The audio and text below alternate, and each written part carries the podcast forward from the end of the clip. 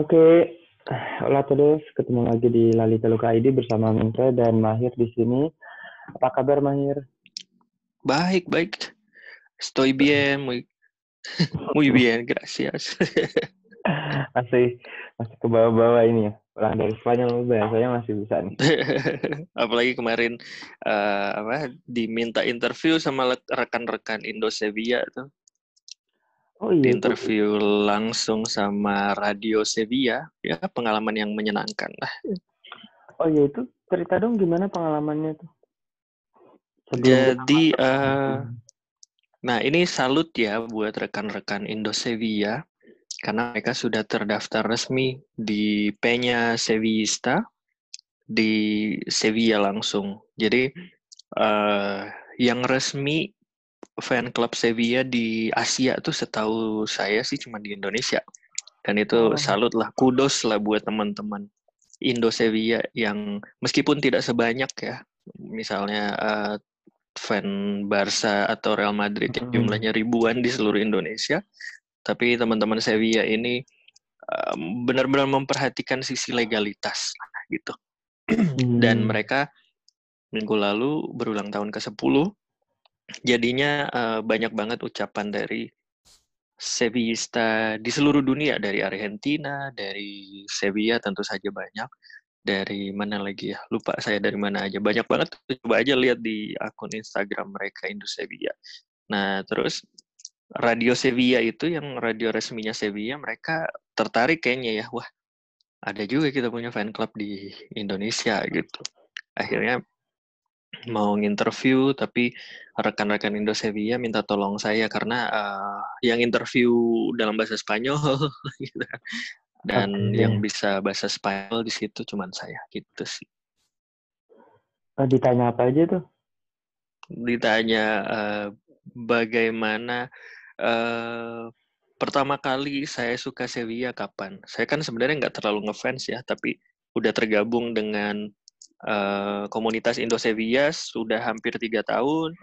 Kemudian ya saya juga udah tinggal di Sevilla kan ya dan udah sering nonton Sevilla langsung di di Ramos Sanchez Pizjuan dan ya udah akhirnya saya bilang aja terus terang uh, saya sebenarnya studi di Sevilla tapi kalau dibilang pertama kali tertarik ya sama Sevilla nggak perlu mungkin ngefans jatuh cinta banget Ya, itu zaman Frederick Canote tentu saja, apalagi pas final Eindhoven tahun 2006 lawan Middlesbrough.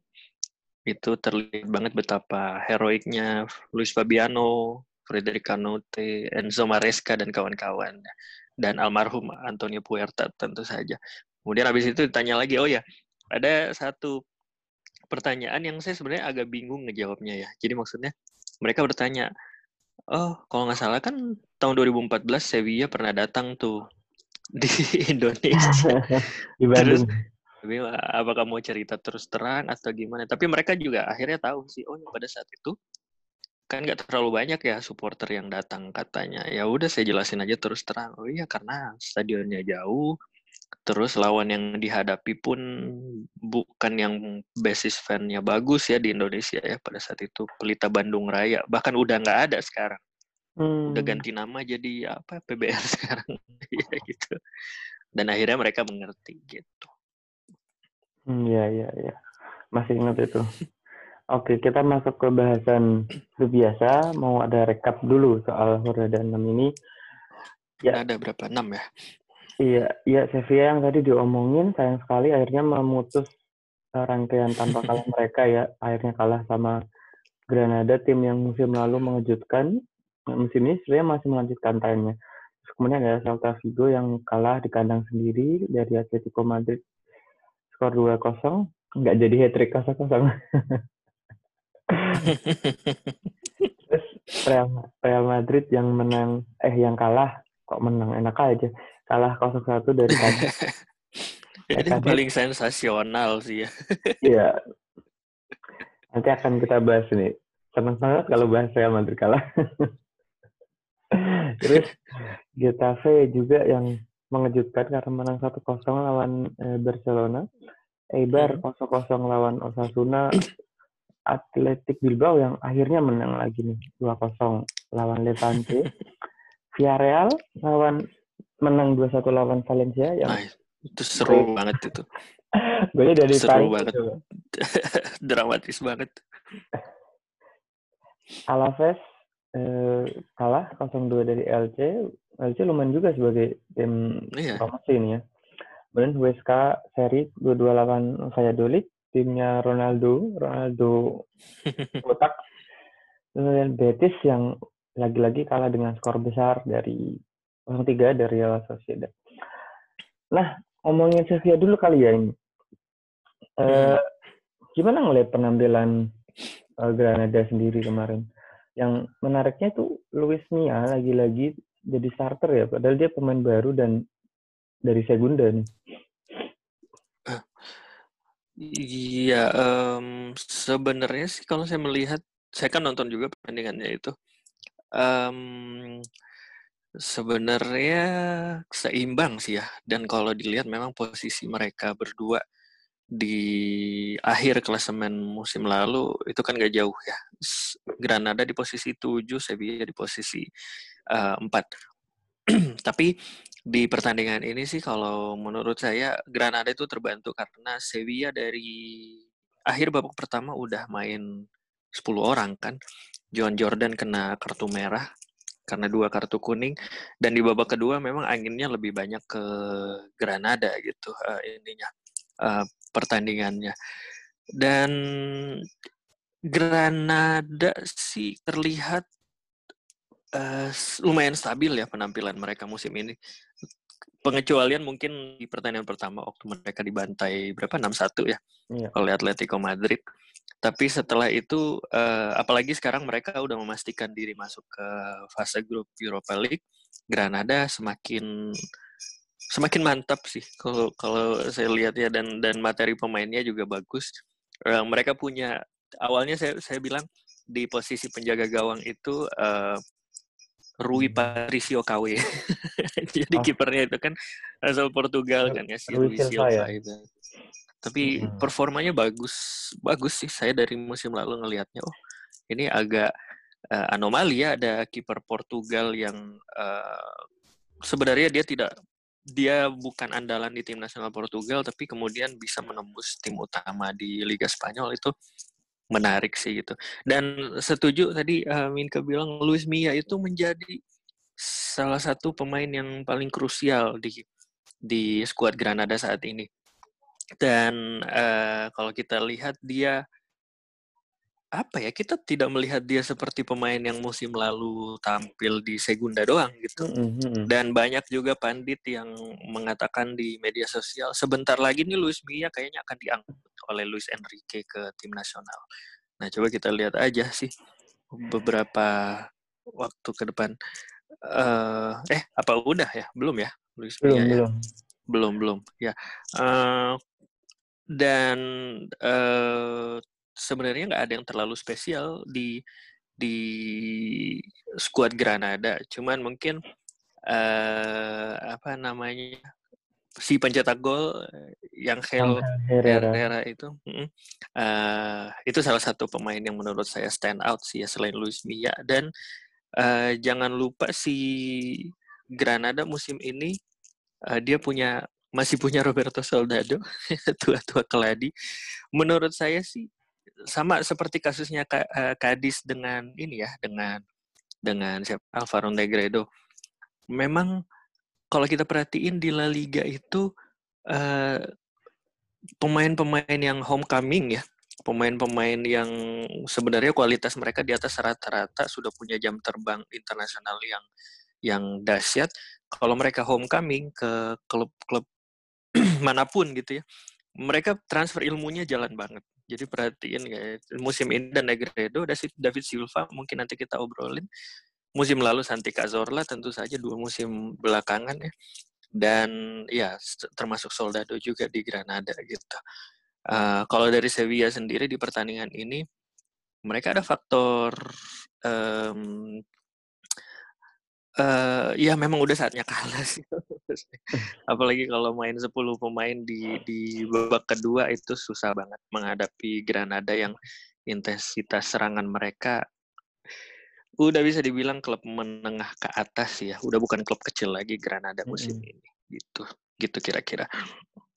Iya, Sevilla ini untuk ngasih konteks kehebatan Granada adalah Sevilla ini kayak tadi dibilang nggak pernah kalah di 18 laga terakhir kan Mm-mm. Liga. Dan secara umum mereka terakhir kalah itu 9 Februari sebelum pandemi nyerang Spanyol ya kayaknya. Jadi Ya.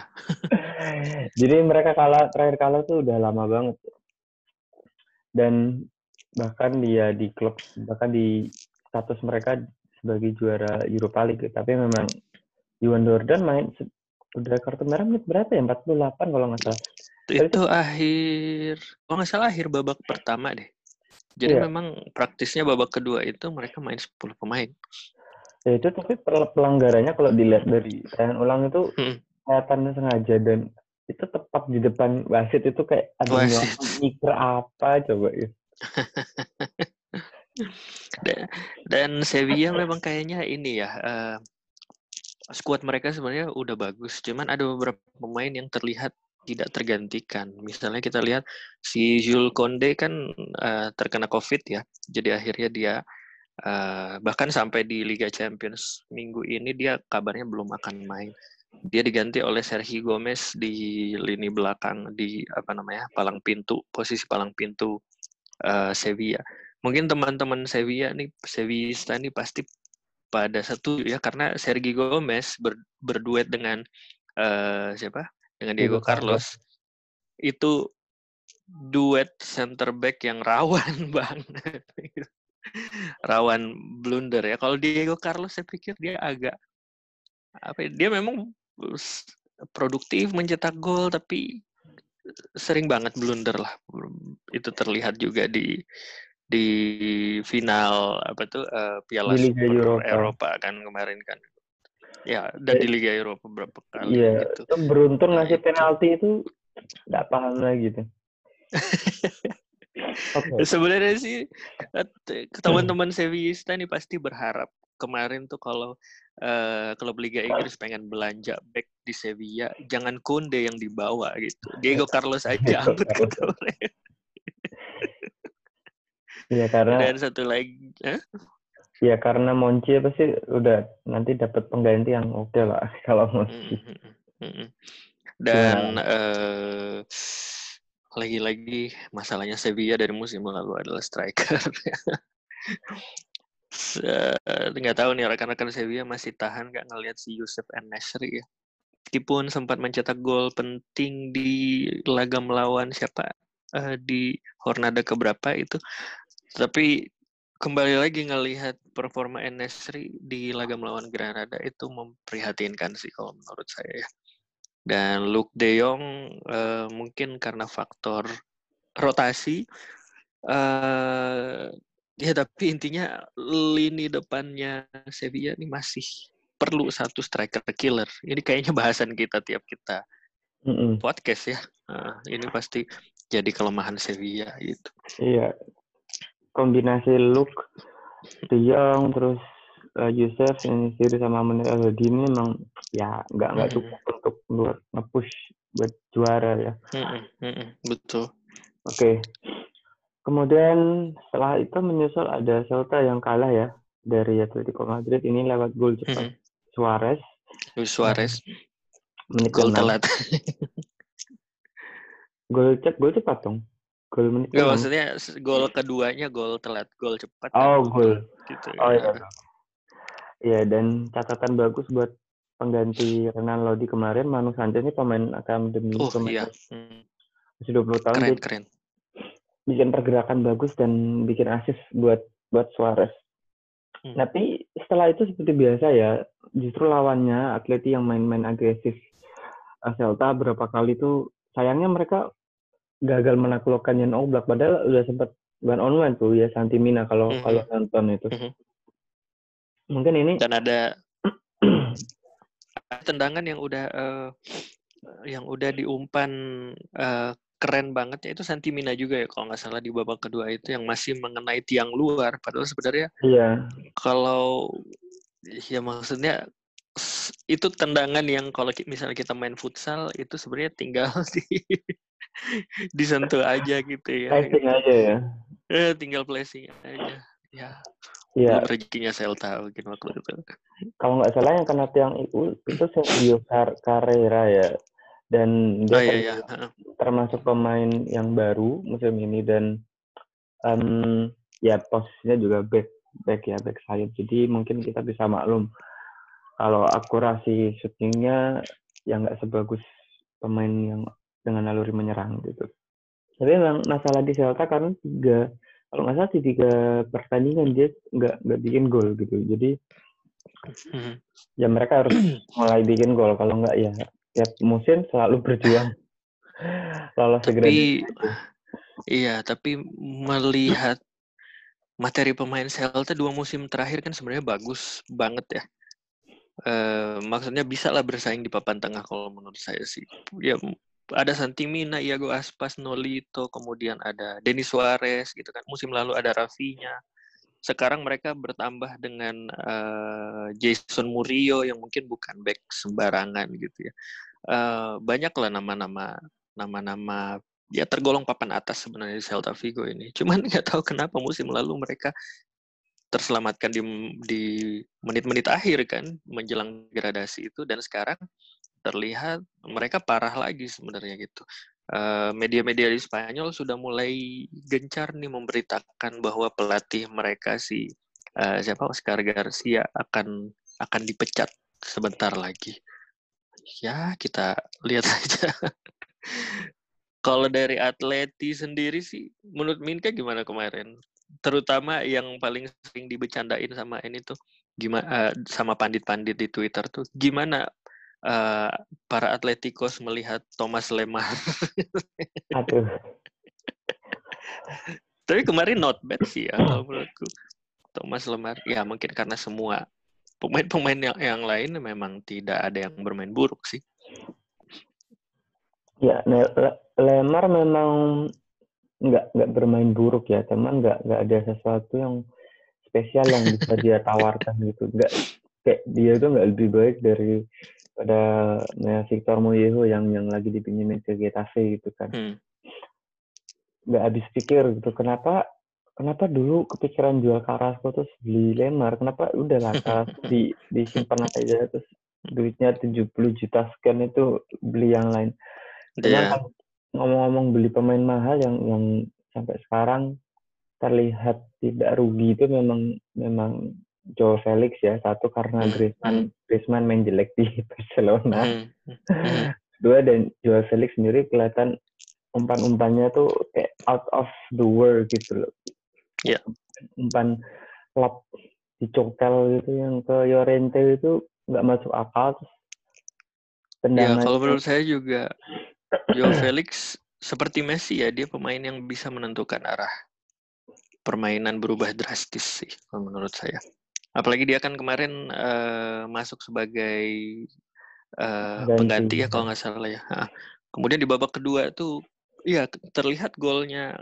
Bak kalau misalnya peluangnya itu tidak membentur tiang, wah itu calon gol terbaik musim ini sih menurut saya. Sayangnya membentur tiang, tapi untungnya lagi bisa disambut menjadi gol oleh Carrasco gitu. Iya, Oh iya, satu lagi Minka. Sorry, sorry. Ya, gimana? Minka ngelihatnya Lucas Torreira ini mungkin banyak yang ingin tahu apakah menggembirakan debutnya. Ya, ya kayak tadi uh, Mahir bilang memang secara keseluruhan pemain Atleti nggak ada yang bermain buruk ya. Hmm. Hmm, yang mungkin paling yang agak mengkhawatirkan duet palang pintunya itu Safik Hermoso itu sama mengkhawatirkannya dengan Diego Carlos dengan Sergio Gomez tadi. Kalau Lucas Torreira memang ya dia nggak nggak nggak ada sesuatu yang spesial, cuman dia tampil solid. Umpan-umpannya juga uh, pas gitu. Cuman yang diharapkan ya dia bisa menjadi ga, uh, Gabi selanjutnya gitu kan. Jadi agar ya, ya. Saul sama Koke bisa bermain lebih uh, progresif lagi itu kan. Nah, selama ini nggak ada yang bisa belum ada yang bisa gantiin uh, Gabi sehingga ya kayaknya mungkin itulah yang bikin Sa- Saul dan Koke tampil uh, lebih konservatif karena kalau diserang balik ini langsung bocor gitu di tengah iya. nggak yeah. ada yang yang yang menghalangi dan dulu Thomas Thomas bukan pemain yang yang tipenya seperti itu pun Rodri juga bukan pemain seperti itu hmm. oke okay. next ada nah langsung aja kali ya kejutan Kais kejutan Getafe dan Cadiz Getafe dan Cadiz ya saya sih nggak pengen terlalu lama-lama sebenarnya ngebahas dua raksasa ini ya karena udah sering dibahas lah. Maksudnya udah banyak juga yang ngebahas kan. Uh, yang pertama mungkin kenapa Kadis bisa menang di bukan Bernabeu ya di stadion di Stefano sebenarnya kan dia. Simply karena Real Madridnya buruk banget sih. Pada nonton nggak itu? Wah, itu seperti bukan Real Madrid ya kalau kita lihat ya. Dan Kadis seperti bukan Kadis gitu. seperti bukan klub promosi dan uh, mereka seperti bermain betul-betul tanpa beban menurut saya um, Kadis itu dan kalau ngelihat harusnya mereka bisa lebih ya. Lebih dari hanya sekadar satu kosong. Cuman mungkin uh, ini kan terjadi juga musim lalu ya. Mallorca menang melawan Real Madrid dan kita lihat di akhir musim Mallorca justru jeblok dan kembali ke habitatnya ke ke Segunda Division gitu. Nah, sekarang tinggal Kadis aja mereka menjaga ritme.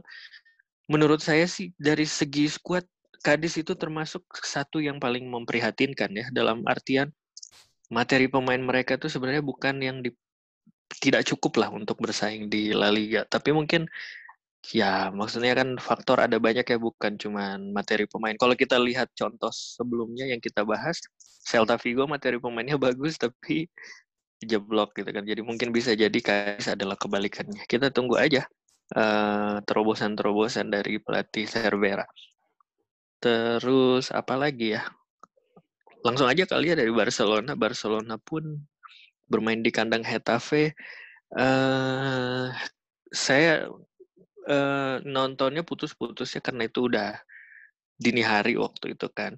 Tapi saya ngelihat gol yang terjadi dan saya melihat gol bukan gol apa namanya bulian oleh uh, yang diterima oleh yang diterima oleh Ansu Fati dan salah satu uh, salah satu pelakunya yang disebelin oleh fans-fans Barcelona di media sosial ini adalah Alan Nyom ya. Uh, tapi sebenarnya Nyom ini memang dari musim lalu jadi gladiator. Dua musim lalu malah ya kalau nggak salah ya.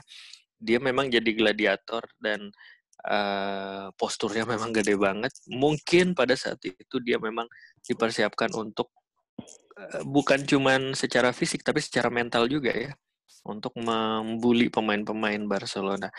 Uh, kalau dilihat sih Barcelona yang pertama terlalu banyak eksperimen kalau menurut saya sih ya dari starting hmm. line up-nya mereka memasang Pedri. Kalau saya pribadi tidak melihat Pedri ini siap ya kalau menurut saya. Kenapa nggak sekalian Ricky Push kalau menurut saya sih gitu. Meskipun dua-duanya pemain muda tapi Ricky Push yang ya uh, terlalu ter kelihatan. Mm -mm, terlalu cepat lah. Apalagi Pedri ini jadi starter di laga yang cukup penting sebenarnya itu uh, terlalu eksperimen sih si Ronald Koeman. Kemudian memasang Ousmane Dembele yang dalam menurut saya sih dalam kondisi mental yang buruk sebenarnya kan Dembele itu ya.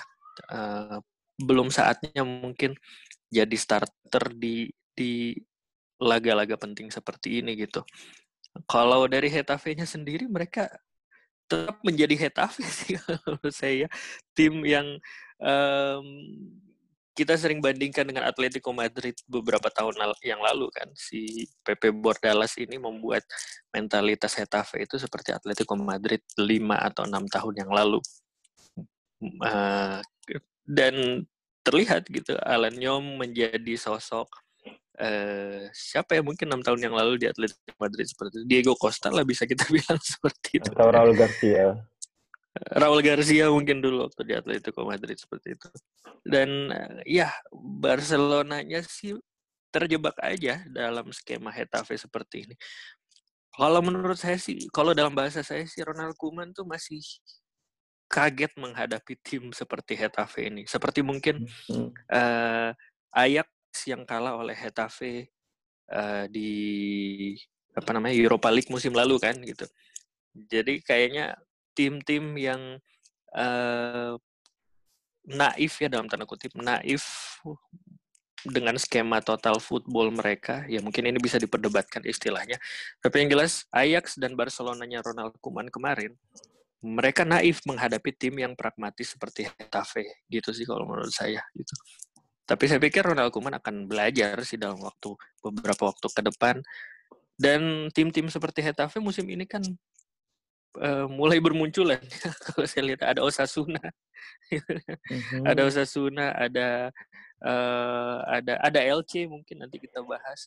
Nah, jadi Ronald Koeman harus siap dengan segala kejutan di La Liga gitu. Mika ngelihatnya gimana? Kemarin ya karena ya ada si bocil ini dan jamnya itu jam tidur di sini kan udah jam 9 kan itu saya hmm. iya jujur gak nonton gitu cuma ngeliat highlight. Yang lihat nonton highlight keduanya sih seneng ini ya yang ngegolin ke gawang Kadis eh gawang Kadis ke gawang Real Madrid itu ternyata kan ah, ya. ex Barcelona B kan? Ex Barcelona B. Iya itu pasti dia dia seneng banget.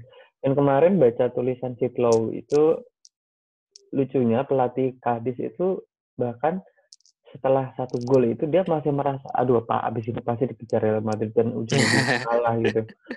apalagi dengan banyaknya peluang di babak pertama yang tidak nggak jadi gol kalau nggak salah ada itu punya mungkin sekitar enam tujuh peluang gitu kan hmm. yang beberapa pengamat bilang itu Kades harusnya bisa unggul tiga kosong atau dua kosong paling enggak di babak pertama yep. dan itu yang bikin Cervera tuh di babak kedua mikir aduh ini pasti dikejar Real Madrid apalagi Madrid kan beberapa kali comeback kan di menit hmm. akhir pula. Tapi hmm. ternyata tidak. Dan ini yang juga jadi catatan karena Madrid mungkin tambah solid di belakang, tapi di depan justru uh, berkurang. Ya mungkin karena efek efek Ronaldo gitu. Kalau hmm. ngomongin Getafe itu jadi selalu ingat golnya itu. Ingat gak uh, Gaku? Wah itu gol terbaik Getafe ke gawang Barcelona sih yang pernah uh, saya tonton itu menyenangkan sekali. Ya, uh, tapi ada satu fakta ini yang menarik ya. Jadi terakhir kali kemarin siapa yang nulis ya? Terakhir kali Hetafe menang lawan Barcelona itu sebenarnya waktu Ansu Fati masih berusia 9 tahun. Iya, itu... Berarti 9 tahun yang lalu di tahun 2011 ya. 2011 uh, musim lalu saya udah lupa sih. Tapi yang jelas meskipun Hetafe tiga musim terakhir bisa dibilang uh, tim papan tengah lah ya, masih susah untuk mengalahkan Barcelona. Baru sekarang mereka berhasil mengalahkan Barcelona. Ada banyak faktor tapi yang jelas yang pertama mungkin Barcelona memang lagi tidak dalam kondisi terbaik dalam hal apa ya formasi kali ya. Kalau ngelihat striker yang dipasang adalah Griezmann, tapi statistiknya memprihatinkan banget. Uh, shot on goal nol, assist nol, kemudian bahkan kipasnya nol itu main gak sih sebenarnya Griezmann ini? gitu. Terima kasih sudah tapi, membeli Griezmann ya. tapi uh, kembali lagi ya, um, kalau di liga-liga lain mungkin ini kan uh, fenomena yang terjadi di seluruh liga-liga utama Eropa ya kayaknya ya. Jadi para uh, tim-tim kejutan menguasai puncak klasemen. Tapi saya pikir sih kalau untuk La Liga itu terlalu long shot lah kalau kita langsung berpikir bahwa oh ini saatnya juara baru gitu. Karena kita harus ingat terus bahwa yang paling kuat secara kedalaman tim, secara finansial itu tetaplah dua atau bahkan sekarang tiga kan. Atletico Madrid, Barcelona. Tapi kalau pribadi saya melihatnya sih ya Atletico Madrid berpeluang. Kalau misalnya uh, Barcelona dan Real Madrid masih jelek seperti ini ya, momentum Atletico Madrid untuk bisa juara ya kita tunggu aja. Ya kalau ngomong-ngomongin posisi atas, kita harus membahas ini ya, Villarreal dan Sociedad juga nih, yang Betul. Menghuni posisi tiga besar. Villarreal kemarin kayak tadi saya bilang menang 2-1. Dan yang paling nyesek buat Valencia yang bikin gol penentu itu adalah Dani Parejo. Yang, Dan prosesnya keren sih, keren banget golnya. Iya. Di umpan ini ya, Take Kubo ya. Dia Ta- dalam posisi tapi- terjepit.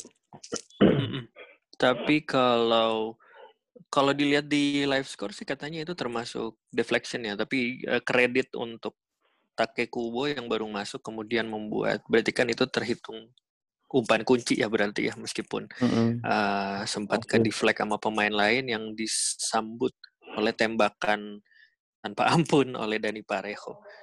Dan Dani Parejo tidak selebrasi, dia bahkan minta maaf. Terlihat banget. Jadi jangan khawatir para Valencianistas, Dani Parejo masih sayang. Sayang Valencia, tapi tidak sayang Masih Anil sayang Murti. Valencia. Tapi Valencia dan Anil Murti yang tidak sayang sama eh, atau Anil Murti yang tidak sayang sama Dani Parejo sebenarnya. Iya. Valencianistas sih masih masih sayang pasti ya sama Dani Parejo. Dan yang paling menyakitkan ya dua golnya adalah ex Valencia. Yang pertama dari Paco Alcacer, kemudian yang kedua dari eh, Dani Parejo. Oh iya, eh, ini sering dibahas juga meskipun Villarreal udah masuk ke papan atas, tapi lagi-lagi yang dicari itu Take Kubo. Kenapa belum jadi pilihan utama Hmm. di tim utama uh, Unai Emery? Kalau menurut saya sih belum saatnya ya. Kalau menurut saya Take Kubo memang talenta yang luar biasa, tapi belum saatnya memaksakan uh, dia ke dalam sistem yang dibangun oleh Emery sih kalau menurut saya. Karena kalau kita lihat uh, Mallorca di musim lalu dan Villarreal musim ini itu berbeda untuk Kubo karena di Mallorca musim lalu dia dikasih peran bebas kan ya free roll seperti Messi lah di Barcelona gitu bisa bolak-balik kanan kiri. Sedangkan di skemanya Emery itu udah jelas uh, kanan kirinya siapa? Chukwueze sama Moi Gomez gitu kan. Kemudian di tengahnya itu pasti dari Parejo gitu kan ya. Da, dan kadang-kadang juga uh, Gerard Moreno bermain di sayap kemudian Paco Alcacer di depan seperti itu. Memang sampai saat ini sih menurut saya sampai Hornada ke-6 belum ada ruang untuk Take Kubo untuk masuk ke uh, tim utama dari Villarreal. Mungkin itu bisa dimulai nanti pada saat Villarreal mulai berkompetisi di Europa League ya gitu. Mungkin di Europa League nanti Take Kubo bisa menjadi pemain utama. Nah di situlah mungkin dia mulai membuktikan diri. Mungkin ada satu dua pemain yang underperform seperti misalnya Moi Gomez kan beberapa musim terakhir dia angin-anginan sebenarnya kan gitu. Iya. Nah mungkin di putaran kedua Moi Gomez agak menurun, Takekubo bisa mencuri tempat utama gitu aja sih. Tapi kalau menurut saya kalau memaksakan Takekubo di tim Villarreal sekarang ini belum waktunya sih gitu. Ya karena Nah, memang kelas kelas Villarreal dan Real Mallorca beda ya. Tapi beda. tapi memang Moi Gomez ini kalau dilihat-lihat sangat angin-anginan ya. Kema berapa orang ada kemarin itu nggak kelihatan, tapi kemarin mainnya Bagus. Wah, luar biasa. Ini orang tiba-tiba muncul, tiba-tiba hilang. Muncul hilang. Intinya orang kembali ingat bahwa ada pemain bernama Moi Gomez. kan dia kalau nggak salah eh, apa namanya bolak-balik tim nasional Spanyol usia junior kan ya, tapi kemudian dia tidak terpakai di tim nasional Spanyol senior gitu. Berarti ada apa? Berarti memang ada masalah konsistensi si Moi Gomez ini. Oke, terakhir kita Sorry. Lalu apa lagi ya? ya, Oh. terakhir Real Sociedad. ya gimana melihat Real Betis lagi-lagi dihajar 3-0? Em, Manuel Pellegrini kayaknya butuh apa ya kalau menurut saya. ya. Jadi sebenarnya kan Pellegrini ini dia tidak pernah terkenal sebagai pelatih yang memuja sepak bola menyerang gitu. Tapi Real Betis dalam beberapa musim terakhir sejak zamannya Pepe Mel, kemudian uh, apalagi zamannya uh, siapa namanya? Kok saya lupa. Ex pelatih Barcelona. Aduh, kok saya lupa. Hmm, uh, Setien. Setien, sorry ya. Enrique Setien kan seolah didoktrin, didoktrin bahwa Real Betis itu harus menjadi salah satu tim teratraktif di La Liga gitu. Menurut saya sih Pellegrini harusnya uh, harusnya uh, mengembalikan aja Real Betis itu ke uh, ke tim yang ya pokoknya nggak usah ngoyo deh, nggak usah terlalu sepak bola indah deh gitu.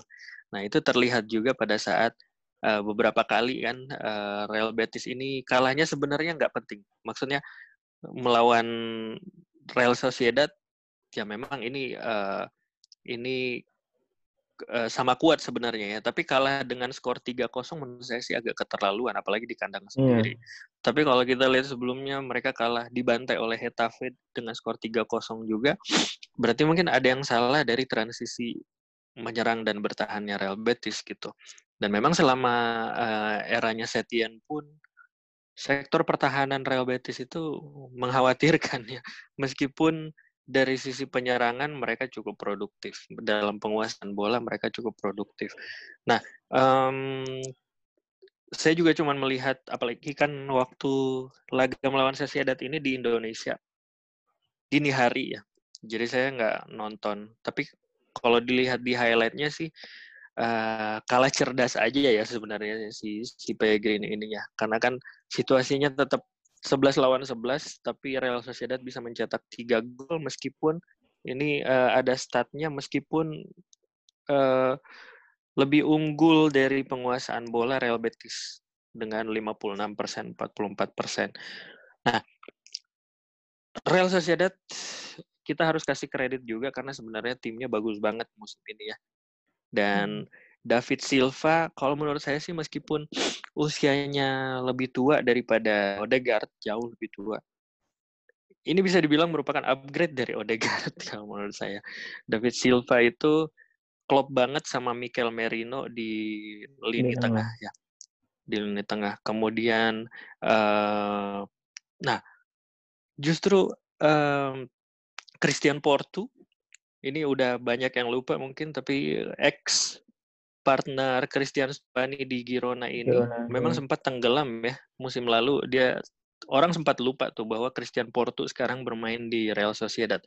Tapi sekarang dia udah mencetak uh, tiga gol ya kalau nggak salah udah masuk uh, dua besar tiga besar pencetak gol terbanyak di La Liga musim ini dan dua pertandingan terakhir dia mencetak gol terus dan bahkan uh, striker mereka Alexander Isak kalau nggak salah belum mencetak gol. William Jose juga belum mencetak gol. Christian Porto masih menjadi pendulang gol bersama Michael Oyarzabal. Kesimpulan saya sih, lini tengahnya Real Sociedad itu sangat kuat dengan dua pemain jenius ya, David Silva dan Mikel Merino. Kemudian mereka punya kekuatan dari segi penyerang sayap yaitu Porto dan Oyarzabal gitu. Nah, kalau melihat uh, Real Betis mereka masih memaksakan uh, sebenarnya kan duet center back uh, Sydney dan Mark Bartra itu rawan banget sih kalau menurut saya. Menurut saya yang terkuat di di Real Betis itu tetap Aisa Mandi. Tapi nggak uh, tahu kemarin dia nggak main kenapa ya itu. Uh, biasanya kan Aisa Mandi itu dia dipasang jadi back tengah meskipun dia sering bermain di sektor kanan. Tapi yang paling yang paling kuat sih sebenarnya duet antara Aisa Mandi dan dan Sydney gitu.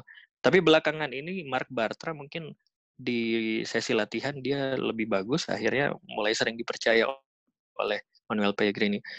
Dan uh, gimana ya belum belum nemu kali ya uh, belum nemu suatu formasi yang kalau boleh dibilang uh, bermental untuk lolos Eropa sih gitu. Ini mungkin sedikit berbeda dengan kesimpulan kita di podcast beberapa edisi lalu ya. Karena beberapa edisi lalu kita sempat melihat oh Pellegrini berhasil membuat Real Betis menjadi salah satu yeah. penantang juara mungkin kan gitu. Tapi setelah melihat performa mereka dua tiga pertandingan terakhir hmm, masih banyak kerjaan yang harus diselesaikan oleh Pellegrini gitu. Mungkin di bursa transfer kedua nanti mereka harus mendatangkan yang pertama tuh back, kemudian yang kedua striker. karena Borja Iglesias kita sempat mengharapkan karena dia hmm. mencetak gol ya di Tornado pertama kedua tapi melempem lagi gitu. Ya, mudah-mudahan sih karena saya berharap banyak sebenarnya sama Real Betis. Sama Real Betisnya Pellegrini. Yeah. Minimal bisa masuk uh, apa namanya? Bisa masuk uh, Liga Eropa sih gitu. Soalnya kan bosan ngelihat Real Betis lagi-lagi Sergio Canales lagi, Joaquin lagi. Iya sayang banget ya. Jadi di kota Sheffield nanti nggak nggak serami biasanya kalau Betis lagi-lagi mediocre gitu. Hmm. Mas Sociedad memang ini ya sedang dalam performa bagus karena di Hornada kemarin mereka menang 3-0 dan sebelumnya Hornada 5 kan juga menang kan dia ya. tiga tiga kosong lawan Getafe. Kalau nggak salah tiga pertandingan terakhir mereka clean sheet. Ya. Uh, Dan ini kalau ya nggak salah Coba di ada empat dia itu kalah sih lawan uh, Valencia. Oh iya betul betul ya. Uh. Lawan lawan Valencia loh malu-maluin loh. ya kalau saya berharap hmm? Ya kalau saya sih berharap ini ya Real Sociedad bisa seperti musim 2002 2003 ya yang mereka menantang Real Madrid gitu. Oh, iya. Itu akan sangat seru sih kalau mereka bisa ya mereka paling nggak kan sekarang punya David Silva yang yang berapa kali itu juara sama Manchester City kan jadi bisa hmm. bawa pengalamannya. Dan itulah yang tadi kita bahas ya transfer ilmu dari pemain-pemain yang homecoming ini masih sangat dibutuhkan oleh klub-klub Spanyol menengah ke bawah. Karena kita lihat uh, musim lalu Real Sociedad sendiri terbantu oleh transfer pengalamannya Nacho Monreal. Ya gitu. Nacho Monreal kemudian sekarang ada David Silva.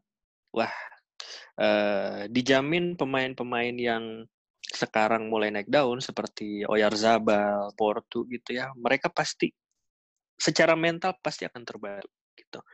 Karena mereka ditunjukkan jalan untuk menjadi tim bermental juara sih seperti itu. Uh, kalau dilihat Real Sociedad musim ini juga mereka dari mereka ada suntikan baru dari penjaga gawang ya, uh, ex kiper cadangannya Atletik Bilbao sebenarnya kan si Alex Remiro itu merupakan salah satu kiper uh, sebenarnya sih dibilang masa depan dia udah lumayan tua juga ya 24 atau 25 musim uh, musim ini 25. usianya 25. Tapi Alex Remiro merupakan upgrade yang bagus kalau menurut saya dibanding beberapa musim terakhir kan Real Sociedad masang Heronimo Rui kan yang sangat angin-anginan sih kalau menurut saya. Dan musim lalu musim lalu Alex Remiro gantian sama Miguel Moya. Miguel Moya saya pikir udah mentok ya, udah nggak, yeah. udah uh, ya udah mentok lah gitu. Alex Remiro mungkin bisa menjadi salah satu alternatif kalau kiper-kiper kan kiper-kiper timnas pada ngaco semua dia. Kepa deh ya dan lain-lainnya. Eh, Simon, kecuali Simon kayaknya ya. Unai Simon mungkin saingannya. Kecuali ya masih nggak masih menunggu kapan Asing udah berkesempatan ini. Iya. ya, oke. Okay. Kita udah 41 menit, udah cukup lama ya. Jadi hmm. kita tutup sampai di sini. Nanti kita akan bahas di pekan depan, termasuk membahas Liga Champion yang um, main ya, mulai main ya. Ya, mulai bergulir. Nanti malam. Mulai main kan nanti malam dan besok. Jadi kita akan bahas dua liga dalam satu episode. Oke. Okay. Uh, sampai Sip. ketemu lagi. Terima kasih yang udah mendengarkan. Terima Adio. kasih banyak. Terima, Adios, terima kasih, gracias. Manir. Yes. Ciao.